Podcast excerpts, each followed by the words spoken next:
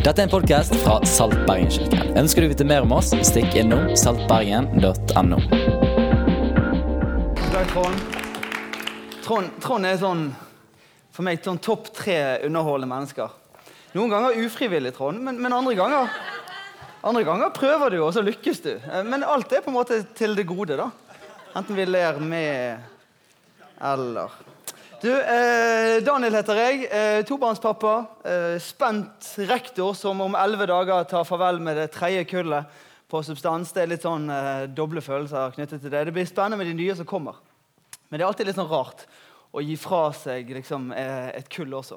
Og så innrømmer jeg foran dere her på denne dagen her at jeg er også en frafallen Brann-supporter. Så får Frode Jone kjefte på meg etterpå. Men sånn er det nå. Du, Fredag for to uker siden så eh, skulle jeg gå på McDonald's. Takk for alle de dømmende blikkene. Eh, jeg eh, tok med meg mine to barn, for jeg er opptatt av at de skal få næring, næringsrikt kosthold. Og så er dette på vei til Flesland, der vi skal hente Rikke, som er på vei hjem fra Stavanger. Så dette er grunnen til at dette kan skje. Hun er ikke mellom de syv fjell. Så, så eh, på vei eh, til, eh, til McDonald's så begynner det å melde seg allerede at de må på do. og alt dette greiene som en treåring og en femåring må. Vi får gjort unna det ene med, med guttungen. Han går på do, og så sitter vi oss ned for å spise. Og så må selvfølgelig jentungen på do også. Så, så jeg plasserer guttungen i, da, i, i det lekeområdet i McDonald's på Lagunen, der du aldri har vært. selvfølgelig. Eh, og så går vi inn på do, og så ser jeg at handikap-doen er ledig. Jeg føler meg åpen for det. Eh, det står ikke det nei. Så går vi inn der, at det er et stort, åpent rom, og så, så, så dytter jeg døren igjen etter meg. Akkurat, akkurat for sent å se at de har tatt vekk låsen og dørklinken. Så den døren glir igjen, det bare klikker igjen. Så, så ser jeg frykten i øynene på min datter. Og jeg merker pulsen stige i meg sjøl. Sånn umiddelbart. Du vet denne ekle, nervøse følelsene som bare manifesterer seg i hendene, og pulsen som begynner å stige. Og jeg tenker nå er Noel på vei ut, ut for å lete etter oss. Han er på vei inn i bilen, og nå drar han opp til Flesland. og nå, nå er liksom disse minuttene går så utrolig utrolig sakte. Og det er så mange scenarioer som løper gjennom hodet mitt om hva som foregår på utsiden. Det vi er inne på det toalettet. Jeg ser meg rundt. tenker Jeg har vokst opp med MacGyver klokken 21.40 på TV 2. Det er vel et eller annet jeg kan gjøre her for å MacGyvere meg ut av denne situasjonen. Et eller annet såpe som kan, bli, kan få til å stivne, sånn at det former en slags hard Nei, jeg begynner å se jeg knekke ting av veggen, men det er ingenting jeg har muskler til å knekke av veggen. Så det blir til at jeg gjør det mest mandige jeg har. Roper inn i det lille hullet.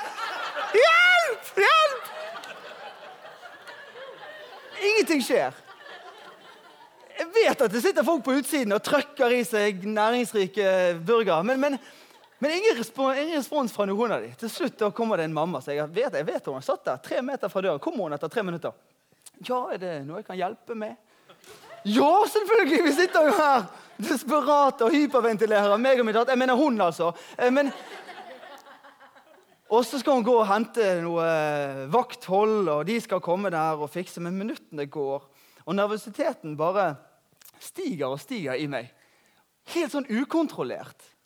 Så jeg har kjent på en sånn sitring i kroppen av den mindre konstruktive sorten. Det er nervøsitet som bare fester seg i deg. Å stå på McDonald's og være innelåst det er en ganske banal sak. Men å stå overfor en person og vite at det rette svaret i denne situasjonen her er spørsmålet du, Kan jeg be for deg? Men det sitter så grådig langt inne. Den nervøsiteten som gjør at du, du vet at denne samtalen her som spiller seg ut rundt dette lunsjbordet eller i denne kantinen eller i denne vennegjengen, om tro, om hva livet er for noe, om hva som fins utenfor det vi kan se jeg, jeg har så lyst til å kaste meg inn i den samtalen. Men jeg, jeg er nervøs for hvor det kommer til å ende.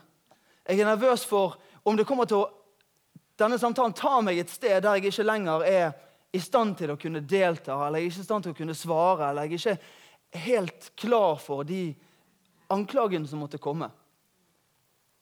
Nervøsitet er en forferdelig ting når det setter seg i kroppen vår og blir noe som lammer oss eller passiviserer oss helt. En gjeng som hadde all mulig grunn til å være passive og nervøse, er disippelflokken. Rett etter påske.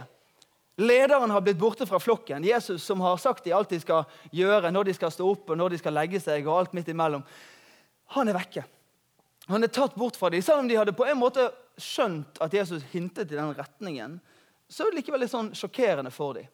Og så sier Maria at hun påstår at hun har sett Jesus. At steinen er rullet bort. Men det er bare noen som måtte aner at kanskje det er noe i det han lovet om at han skulle komme tilbake. Vi skal gå til Johannes evangeliet, kapittel 20, hvis du har med deg Bibelen, og vers 19. Det var om kvelden samme dag, den første dagen i uken, og av frykt for jødene hadde disiplene stengt dørene der de var samlet. Da kom Jesus. Han sto midt iblant dem og sa, 'Fred være med dere.' Og da han hadde sagt dette, viste han sine hender og sin side. Disiplene ble glade da de så Herren. Og igjen sa Jesus til dem, 'Fred være med dere.' Som Far har sendt meg, så sender jeg dere. Gjensynsgleden er jo åpenbart enorm. Men så, kanskje de drømmer om et lite sekund at alt skal vende tilbake til normalen. Alt skal bli sånn som det hadde vært i de tre årene av at nå er Jesus liksom tett på, og vi, vi går der han leder. Men så sier Jesus at som far har sendt meg, så skal jeg sende dere. Jeg har ikke bare gjensynsglede å formidle, men jeg har gleden av et oppdrag jeg har lyst til å gi dere. Denne nervøse, usikre, nølende, innelåste disippelflokken som sitter der og lurer på hva er det vi skal finne på nå når Jesus har dratt. Dere skal bli sendt, akkurat som jeg har blitt sendt. Men før dere finner på å gjøre noe som helst, forteller Lukas oss, så sier Jesus at de må vente. Dere må ikke finne på noen ting, men dere må vente. Hvis du henger med meg i dag, så har jeg lyst til å snakke om hva meg og det kan gjøre når den nervøsiteten eller den usikkerheten for å delta i oppdraget setter seg i oss. Når det rette spørsmålet er du, Kan jeg få lov å be for deg? Eller det rette ønsket i ditt indre er å hoppe inn i den samtalen og få lov å snakke om tro med en nabo, med en kollega, med en venn. Men nervøsiteten passiviserer oss. Hva gjør vi da? Jesus underviser at vi kan kjenne et tre på frukten. Jeg har lyst til å ta dere med inn i apostlenes gjerninger og se på frukten av hva Den hellige ånd gjør. Vi kan kjenne et tre på frukten. Vi kan også kjenne Den hellige ånd. Hvem er Den hellige ånd? Vi kan lære han å kjenne gjennom frukten av det han holder på med i de første kristne sitt liv. Så de venter, denne disippelflokken. De, de har sitt tidenes måfå bønnemøte. Det er ikke noe annet de har fått beskjed om enn å vente. Og den eneste bønnen de har lært seg, er Fader vår. Så de er liksom der samlet. 50 dager etter at Jesus har forlatt dem, og så sier han etter Jesus opp, og så venter de. Og så forteller apostlenes gjerninger at plutselig så lyder det fra himmelen, og en kraftig vind blåser. Og lyden fylte hele huset hvor de satt. Det lød fra himmelen som en, når en kraftig vind blåser, og lyden fylte hele huset hvor de satt. Alle merker at det skjer noe. Alle merker at det er et eller annet som skjer her. Iallfall virker det sånn, for det, eh, det neste de gjør, er at de tenker at nå er det unaturlig for oss å sitte her. Nå er det unaturlig for oss å bli innelåst i andre etasje. Vi må ut og møte folk. Vi må ut og finne noen vi kan prate med. Så Peter leder han, og så går de til tempelplassen. Et par dager seinere, når de er på vei til tempelplassen, så ser de en fyr som er lam. Kanskje de har sett ham flere ganger, men det er i sin daglige rutine av å gå til bønnemøte, så får de blikk for denne karen her. En kar som har satt der kanskje i årevis og er lam, mangler evne til å gå. Den hellige ånd gir han et blikk, Peter, sånn at han får øye på de personene. Jeg vet ikke hva du får øye på i løpet av din hverdag av mennesker som trenger at noen ser dem.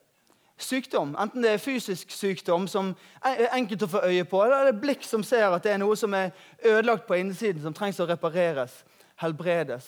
Og så vet du like godt som meg at Jesus har sagt at på de syke skal de legge sine hender, og de skal bli friske. Disse tegn skal følge de som tror. Men så er, men, men, men jeg er jo veldig klar over at Gud kan gjøre det. Det tviler ikke jeg et sekund på. Jeg tipper du ikke tviler et sekund på det, du heller. Vitnesbyrd du har hørt, eller bibelhistorie du har lest, eller erfaring du har At Gud kan helbrede. Det er ganske enkelt å tro på. Han som har skapt himmel og jord, og som kjenner meg bedre enn jeg kjenner At han kan helbrede, no problem. Det skjønner jeg med en gang. Men at han kan finne på å gjøre det gjennom en sånn som meg og deg Kanskje det er der nølingen vår sniker seg inn. Kanskje det er der snev av tvil sniker seg inn. At på det, Gud er i stand til å gjøre det, og også dette rommet her. Av at det er vi som legger hendene på syke og ber i Jesu navn om at helse skal komme til en persons sjel og hans kropp. Peter går bort til denne mannen og så sier han, 'Se på meg. Se på meg.' Så griper han mannen sin høyre hånd. Jeg vet ikke på hvilket tidspunkt Peter ber egentlig her. Kanskje han bare ber inni seg, eller kanskje han bare sniker inn en setning som han hvisker så lavt at Lukas ikke får det med seg engang. Og Så bare tar han hånden til denne mannen og så drar han han opp på beina. Så forteller Lukas at idet han liksom er på vei opp, så bare, I guess we're doing this now, så, så, så får han styrke i beina sine. Og så står han plutselig, for første gang kanskje. Han begynner å gå, han begynner å løpe. Han begynner å bevege seg som han aldri har gjort før. Peter. Peter som lover Jesus å være med han like til enden, men som rett etterpå fornekter Jesus tre ganger og som går ut og gråter bittert og lurer på hva i all verden har jeg funnet på. Den nølende, innelåste Peter som lurer på hva skal vi ta oss til når Jesus har blitt vekke. Den usikre Peter som satt der sammen med alle de andre disiplene og var spørrende til hva de skulle ta seg til. Han står nå med en helbredet mann rett foran seg og en mulighet til å dele evangeliet. Hva er det som har skjedd i mellomtiden? Hva er det som, er, er det som har tettet det gapet? Jeg har lyst til å foreslå deg for, for deg at det er Den hellige ånd som tetter det gapet. Så foreslår jeg for deg at det er den tredje personen i guddommen som vi ofte kanskje kommer i skyggen av det at vi tenker at vi har en Gud som er vår far, og Jesus er vår frelser. Men at det er Den hellige ånd, den som gjør Guds nærvær tilgjengelig i min og din hverdag. Den som burde egentlig vekke en hel masse nysgjerrighet og oppmerksomhet i oss. Den som gjør at vi kan kjenne at Gud er her når vi samles i Jesu navn. Han kommer nær til Peter. Han som beskrives som en ild, som en due, som olje, som vind. Han som er en person, men likevel litt vanskelig å få tak på. Han blåser på Peter. Han blåser på Peter, og alt det som er i Peter av nøling og tvil og usikkerhet, bare forsvinner i et sånn vindkast. Og Isteden er det en, på bildet, en sånn sval bris som fyller Peters indre en tillit, en tro, en tanke om at jeg, det, jeg kan gjøre dette. Kanskje du kan være med på tankerekkene av at Peter blir minnet om de gangene han gikk sammen med Jesus, eller de ble sendt ut to og to, og var med på alle mulige overnaturlige hendelser. Kanskje han blir minnet om Jesu lovnader, om at de skulle gjøre de samme tingene som han hadde gjort, og enda større ting enn det han hadde gjort. Så sier Jesus om denne talsmannen han skal sende. At han skal lære dere alt og minne dere om alt det jeg har sagt dere. Kanskje det er det som skjer i det øyeblikket, når Peter plutselig bare sier liksom, Hei, se på oss. Så tar han hånden så bare napper han opp. Hva er det Den hellige ånd gjør? Hva er frukten av Den hellige ånd i de første kristne opplevelse, kristnes opplevelse at en vind hadde fylt rommet og blåst de ut i gatene? Plutselig så står Peter der, så er ikke det lenger noe nøling i han. Det er ikke lenger noe tvil i han. Den er erstattet med en tillit og en tro på at ikke bare Gud kan gjøre det, men Gud kan gjøre det gjennom meg. Og det er Jeg tror det er meg og deg sin utfordring noen ganger når vi står overfor sånne tøffe situasjoner. Mennesker som vi er glad i, mennesker som vi tilfeldigvis møter på. Jeg flyr fra A til B her for en tid tilbake, og en fly, dame med flyskrekk sitter ved siden av meg. Og Hun avslører det ganske tidlig, for hun er redd for hva hun kan finne på i luften. sier hun. Jeg tenker, ok, Det er en interessant måte å starte en samtale på. Eh, så sier hun, for, det, for det det, dette, er, dette, er, jeg kjemperedd for. Og så, begynner, så sier jeg, hva, hva, er det beste jeg kan gjøre for deg? Nei, vi, vi, kan prate. At vi kan holde praten i gang. Og jeg sier, det er da du kom til rett person. Eh, all there is to, to, to say, I have to say. Eh, så så vi prater og, og vi prater, og veldig hyggelig dame. Og vi, men, men, midt i samtalene så kommer det plutselig noen sånne rykk fra Og så, Idet vi liksom letter fra, fra rullebanen, så driver hun og hopper i stolen. og så Midt, midt inni Trond, kan jeg få deg opp her et sekund? Dette er veldig bra. Så, så, så Ja, det var hun damen, du. Det klarer du fint. Så, så midt oppi luften, idet liksom vi får noe turbulens, så kaster hun seg sånn. Og så sitter vi sånn i tre minutter. Takk, Trond. Og jeg bare tenker, hva gjør jeg nå? Og jeg skulle ønske at dette var en historie om at jeg ba en bønn. Men det var ikke det. Fordi jeg kjente på den nervøsiteten. Det tok meg.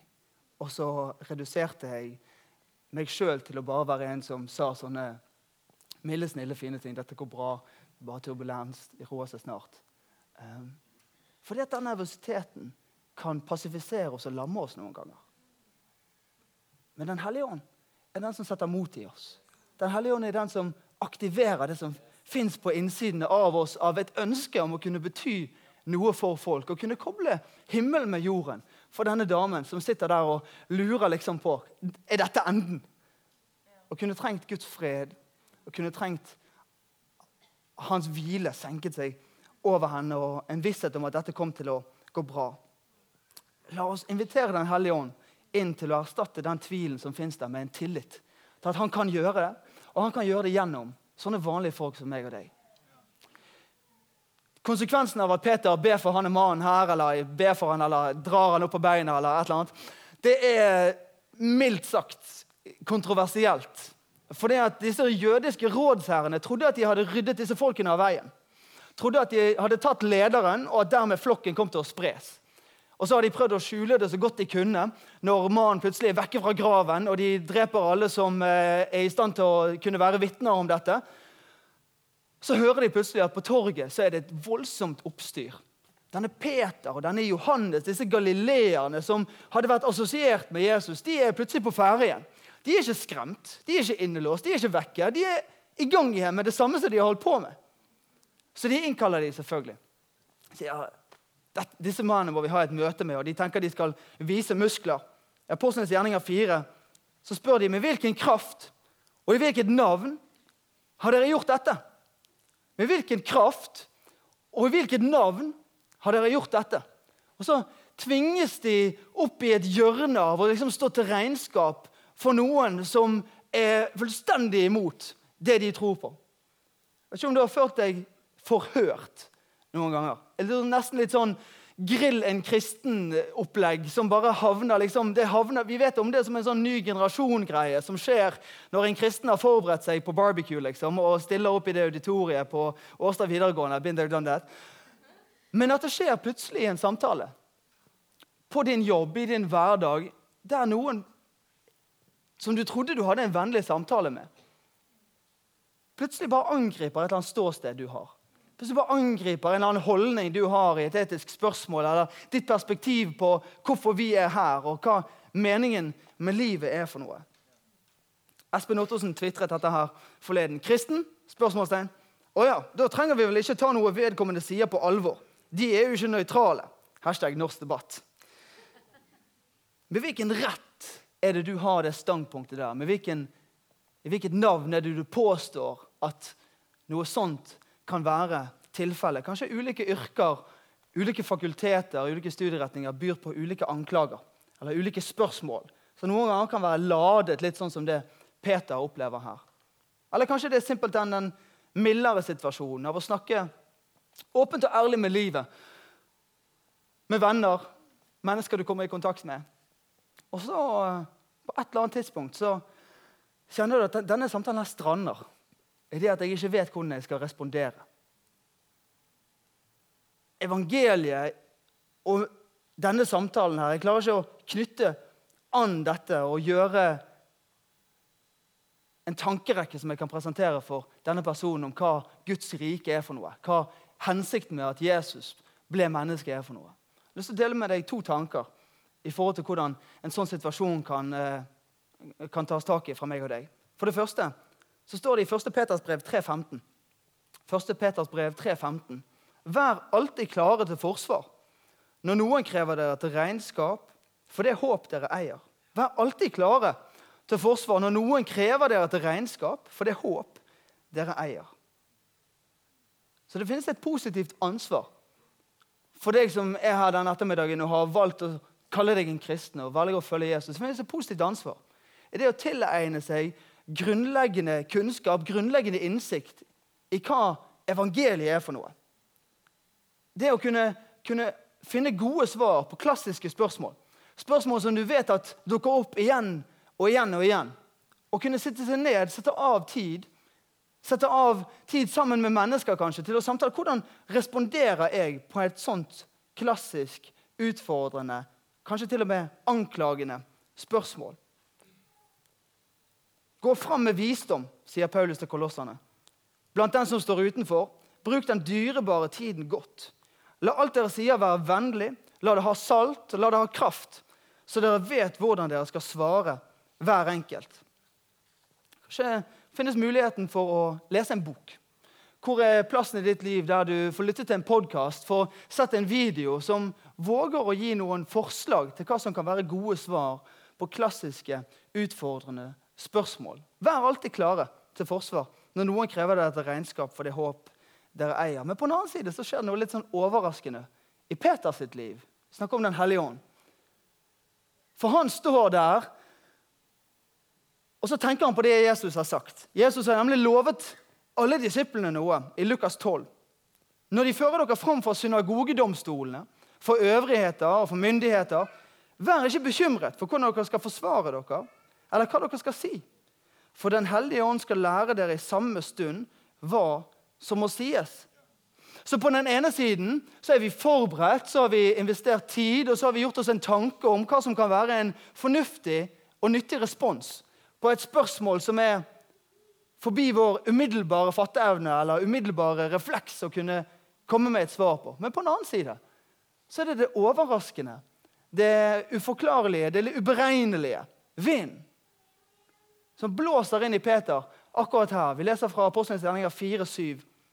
Rådsherrene spør med hvilken kraft, i hvilket navn har dere gjort dette?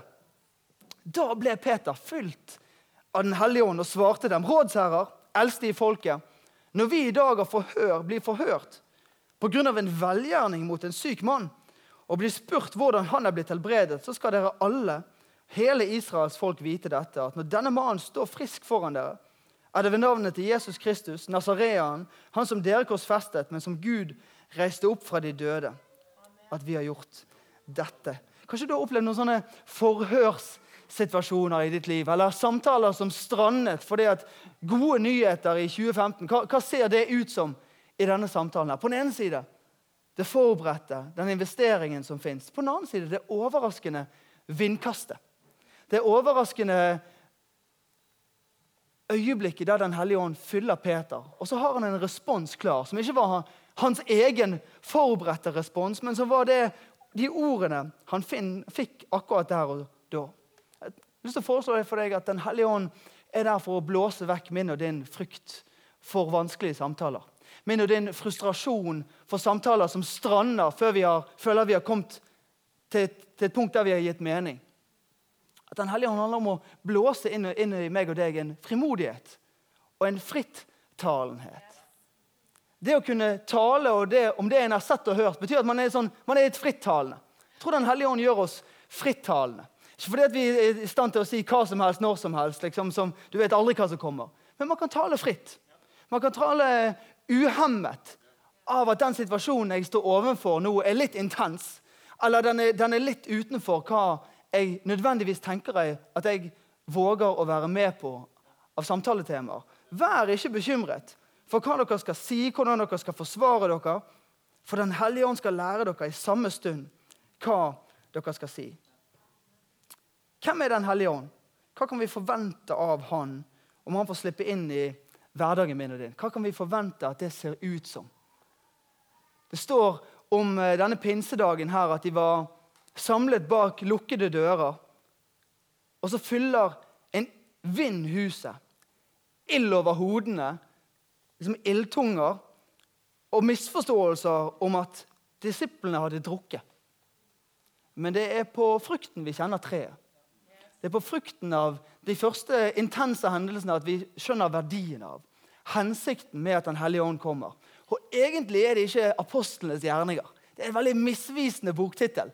Jeg vet ikke hvor den havnet inn i misforståelsen der at det er apostlene som er fantastiske. Det er Den hellige ånds gjerninger.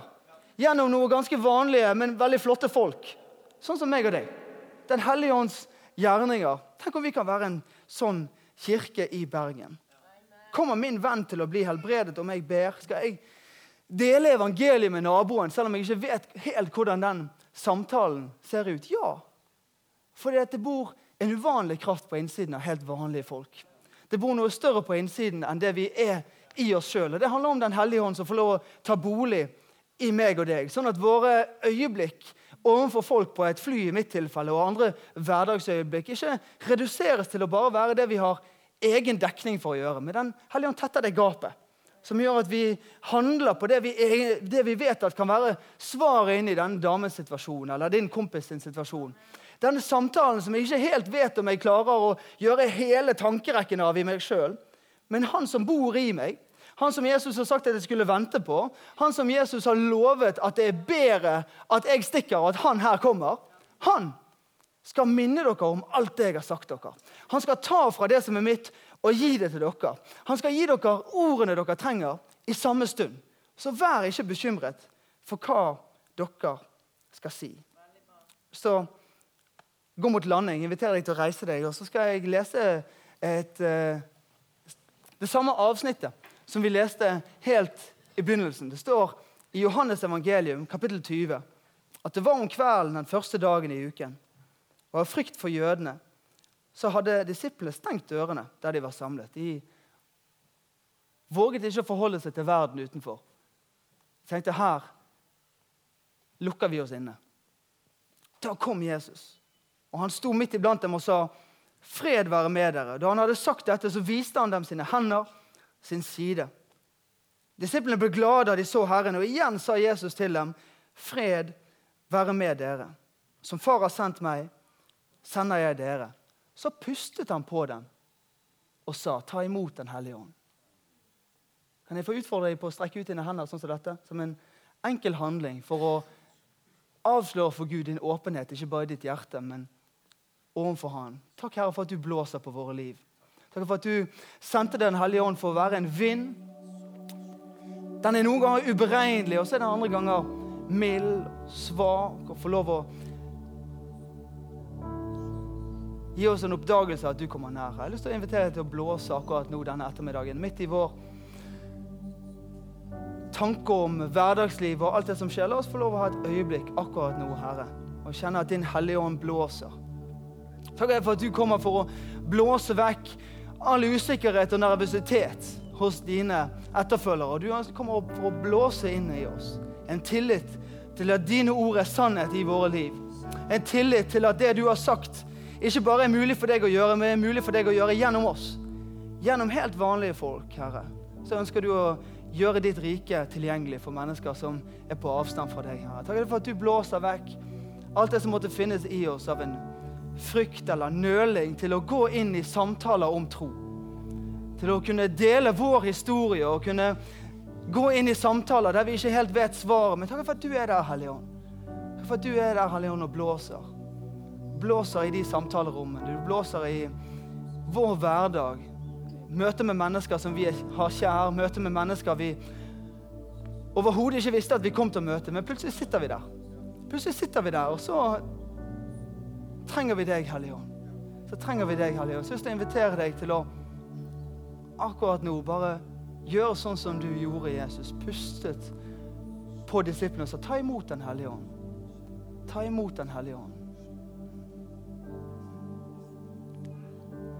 Dag Inge Ulstein besøkte bibelskolen her for en tid tilbake. Han sa jeg ønsker å leve et liv ledet av Den hellige ånd. Jeg ønsker at Den hellige ånd skal være den som fyller mitt hverdagsliv. Så sier han, men hvordan ser det ut? Johannes 3,8 sier at vinden blåser dit den vil. Du hører den suser, men du vet ikke hvor den kommer fra, og hvor den farer hen. Han sier hvis Den hellige ånd er en vind, så bestemmer jeg meg hver eneste morgen for å heise mitt seil. Hvis Den hellige ånd er en vind som blåser, så er det min øvelse, mitt privilegium, min mulighet, som er, en, som er sendt på oppdrag til å heise seil hver eneste morgen. Og la den vinden lede meg hvor hen den måtte blåse. Det er det som er eventyret med å følge Jesus. Det er det som er det uforutsigbare eventyret. At den kraften som vi lever i, er ikke den kraften vi mestrer og mobiliserer i oss sjøl med vår tankekraft og med vår bestemmelse, men det er en vind som blåser, som er sterkere enn alt det vi klarer å røre opp i oss sjøl. Så Hellige Ånd, jeg ber om at din vind skal få lov å treffe våre seil. Jesus, jeg ber deg om at din Hellige Ånds vind skal få lov å treffe våre seil akkurat nå. Herre, vi ber om at vi skal få lov å være sånne som er spent vidt og bredt, Herre, til å kunne ta imot og fange den vind som du sender. Herre Jesus, jeg ber deg om muligheter for hver enkelt av oss til å kunne finne en stund i vår hverdag og si i vårt indre, med en bønn, med en tanke, med en lovsang, at vi heiser vårt seil, Herre, og ber om at din vind skal blåse, for vi trenger din vind. Vi trenger deg, Hellige Ånd, at du blåser og gjør oss til sånne som er på oppdrag for Jesus. I Jesu Kristi navn. Amen.